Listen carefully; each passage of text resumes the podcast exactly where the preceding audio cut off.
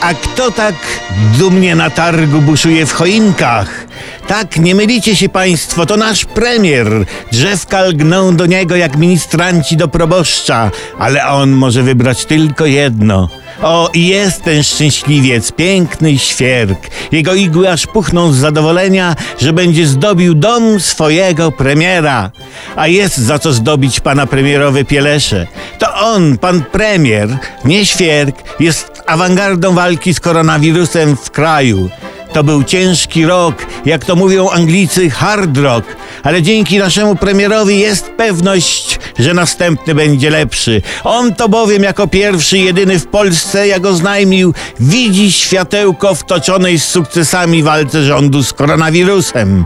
Jest to światełko koronawirusa w odwrocie. Pod bacznym i surowym okiem pana premiera koronawirus ze wstydem zdjął koronę i to właśnie światełko tyłu łysiny uciekającego w popłochu wirusa już bez korony zobaczył nasz premier. Opozycja stara się podstępnymi metodami zdeprecjonować osiągnięcia rządu, twierdząc, że w Polsce robi się za mało testów. A przecież za PO-PSL nie zrobiono żadnego testu na koronawirusa, a mieli na to 8 lat.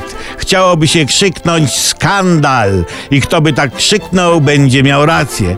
Na szczęście jest ktoś, kto sprząta ten pandemiczny bałagan po poprzednikach. To ten człowiek z choinką. Dumny, a skromny.